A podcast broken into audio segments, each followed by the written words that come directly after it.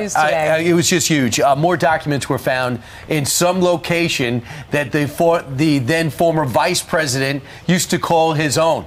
Uh, he used to, as we know, we were focused on a few days ago when it was revealed by CBS that on November 2nd, they found classified documents at the highest level, at least 10 of them, in a locked closet at the University of Pennsylvania, the so called Biden Center, lease building in Washington. And then we find out it didn't end there. Speculation had it. I'm sure there's more than one closet that Joe Biden had in his life that might have some documents.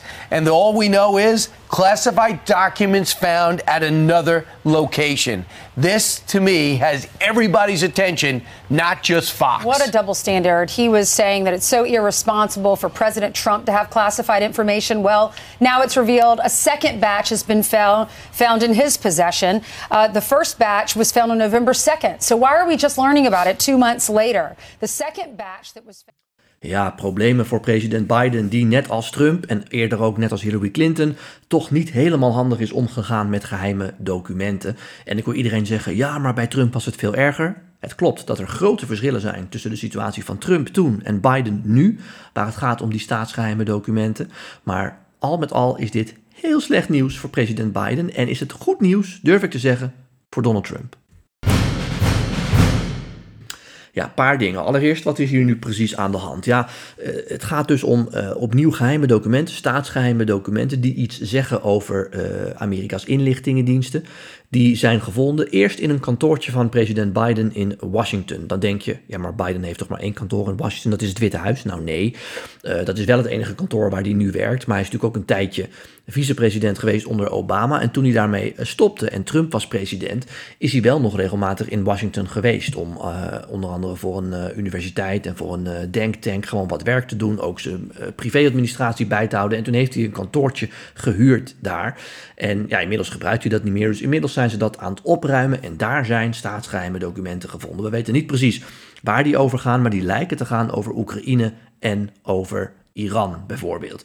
En vandaag is bekend geworden dat er ook in zijn garage in Delaware geheime documenten zijn gevonden. En ja, dat snap ik wel, want uh, uh, kennelijk zijn de mensen om Biden heen geschrokken dat er toch in dat kantoor, waar vooral ook heel veel privédocumenten lagen en uh, bijvoorbeeld allerlei wenskaarten die mensen naar hem opgestuurd hadden toen zijn zoon overleden was, dat daar dus ook staatsgeheime documenten tussen lagen. Ja, dus zijn ze vervolgens alles gaan doorzoeken. Hè. Je, kunt je kunt je voorstellen dat ze ook in zijn huis in Delaware op zolder aan het zoeken zijn, dus ook in de garage.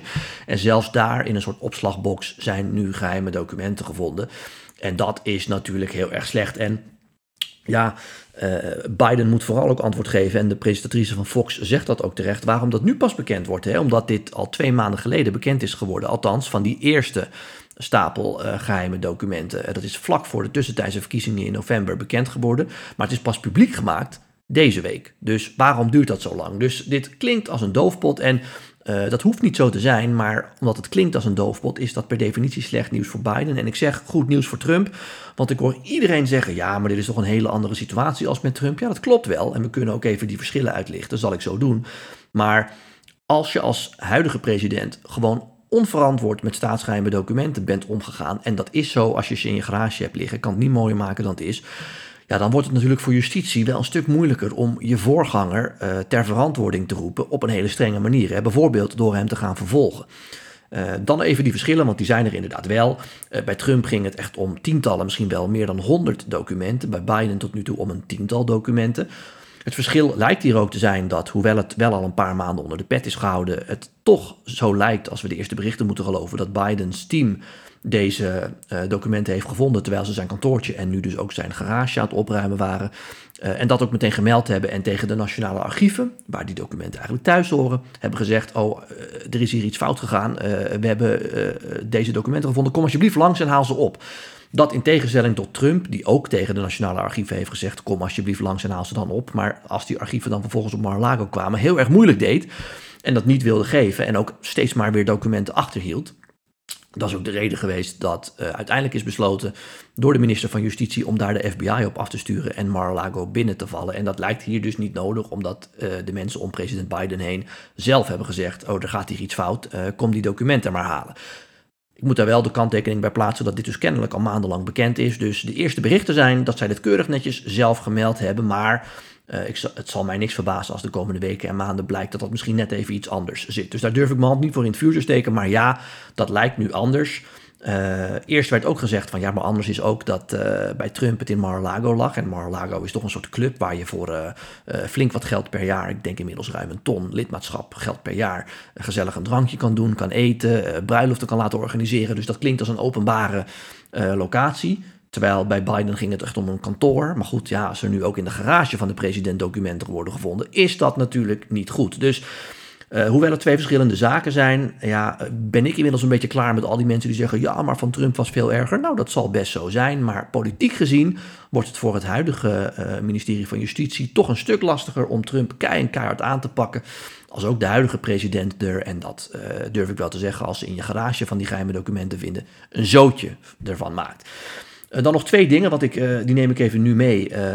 Ik, de eerste is die vraag krijg ik heel vaak. Waarom is het eigenlijk erg dat die uh, uh, geheime documenten uitlekken? Uh, of dat, dat die bij, niet, niet zozeer uitlekken, maar bij mensen gevonden worden? Dat is erg omdat ze potentieel wel kunnen uitlekken. En wat is daar erg aan? Nou, ten eerste omdat daar geheime informatie bijvoorbeeld over de nucleaire capaciteit van Iran in staat. Bij Trump zou het onder andere ook gaan over uh, president Macron van Frankrijk, die een aantal affaires zou hebben gehad en wie die vrouwen precies zijn. Dat zal allemaal in die documenten hebben gestaan.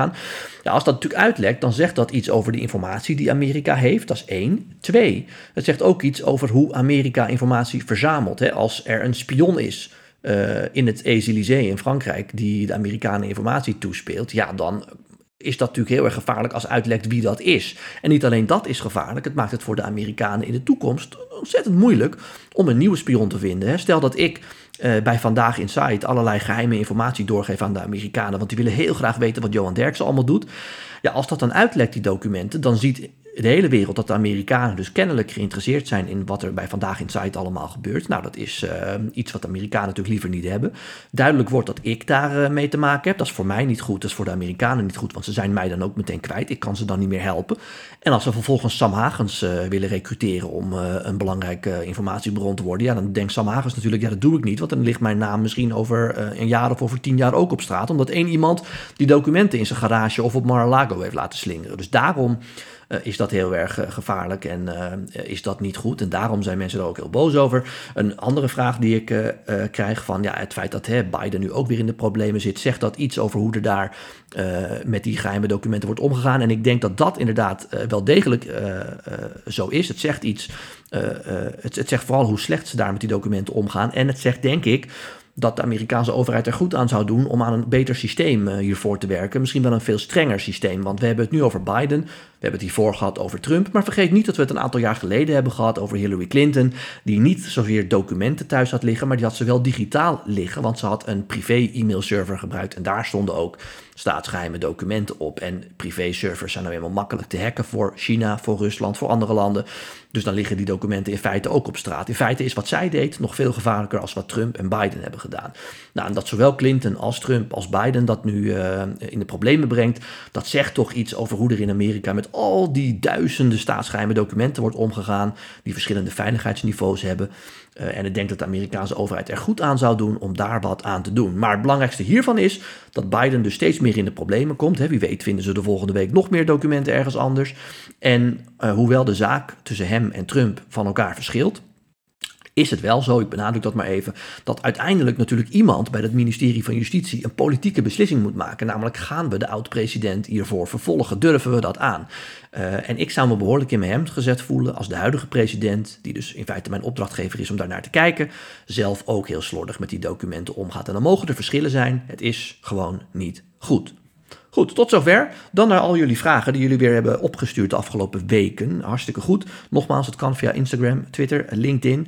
Uh, en de eerste vraag komt van Teun. En die vraagt: hoe kijk jij naar de positie van Kevin McCarthy? Zullen de extremisten alweer snel gaan muiten? Ja, goede vraag, Teun. Um, uh, ik moet daar twee dingen bij zeggen als het gaat over hoe ik naar zijn positie kijk. De eerste is, en dat heb ik ook uh, bij half acht onder andere gezegd dat ik de uh, ophef over die toch wel chaotisch gelopen uh, verkiezing voor die voorzitter van het Huis van Afgevaardigden wel overdreven vind. Uh, ja, lang verhaal kort. Sinds de zomer gebeurt er al vrij weinig meer in dat congres. Het congres loopt natuurlijk af. Hè. Veel congresleden gaan dan ook naar huis om campagne te voeren voor hun herverkiezing. Nou, zeker in het najaar is er heel veel in het congres stilgelegen, omdat al die congresleden campagne aan het voeren zijn. Die verkiezingen waren in november, daarna zijn die verkiezingen afgelopen. Zit er een soort uh, monddood congres, dan zijn de feestdagen er. Nou, en nu hebben ze in de eerste week van januari er een paar dagen over gedaan om een nieuwe voorzitter te kiezen. Ik vind dat allemaal niet zo'n ramp. Het is niet netjes, het oogt ook heel slordig, het is niet goed voor de Republikeinse Partij, voor het beeld als toch regeringspartij. Maar een grote ramp is het ook weer niet. Uh, en ik denk dat het ook heel belangrijk is geweest om die paar extremisten, althans uh, toch wat uh, meer rechtse republikeinen, te laten zien dat ze wel kunnen muiten, maar uiteindelijk ze toch bij het kruisje hebben moeten tekenen. En Kevin McCarthy dus gewoon voorzitter is. Dus ik denk dat hij redelijk sterk staat daardoor. Maar het is altijd zo geweest, ook zonder deze extremisten, zoals jij ze dan noemt uh, dat zijn positie uh, moeilijk is, omdat de Republikeinse meerderheid gewoon heel erg klein is. Je ziet het nu ook met George Santos, die, uh, dat congreslid uit New York. Althans, we denken dat hij uit, uit New York komt, want hij, hij ligt overal over, dus misschien dat hij daar ook over gelogen heeft.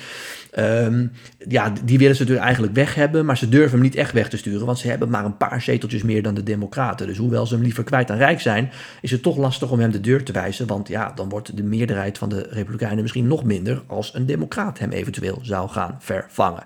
Dus ik denk dat Kevin McCarthy uh, nou, een lastige job heeft gezien de kleine meerderheid die ze hebben, maar dat die ene week, uh, waarin hij uiteindelijk toch gekozen is, uiteindelijk heel goed voor hem is geweest. Dan een vraag van Albert. Hoe groot is de kans op een echte middenpartij in de Verenigde Staten? Ja, ik denk Albert dat die kans nul is. Uh, en dat is uh, omdat ik denk dat uh, het Amerikaanse twee-partijenstelsel muurvast zit. Dat heb ik ook in Lang Leven Trump beschreven. Een van de trends achter Trump is die tweedeling.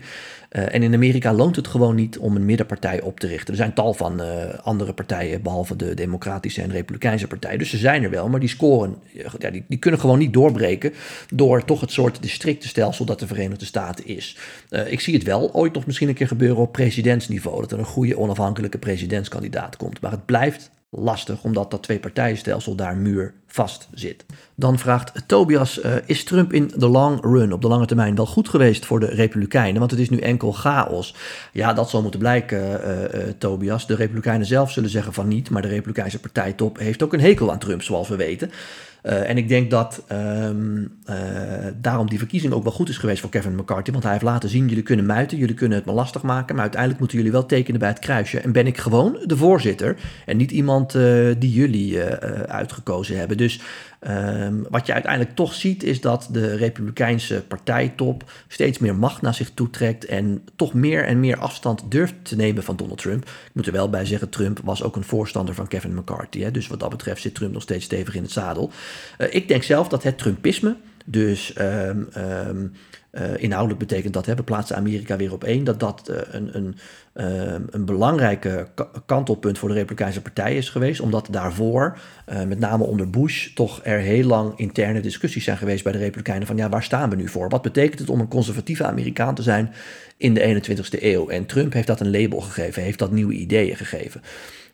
en wat je natuurlijk hoopt, uh, dat geldt voor iedere organisatie, is dat Trump op een gegeven moment weggaat en dat daar nieuwe talenten voor uh, naar voren komen, zoals Ron DeSantis of anderen, die uh, dat werk voort gaan zetten. Maar het kan ook zijn dat de Republikeinen er uiteindelijk weer voor kiezen om terug te gaan naar het oude conservatieve gedachtegoed onder president Bush bijvoorbeeld.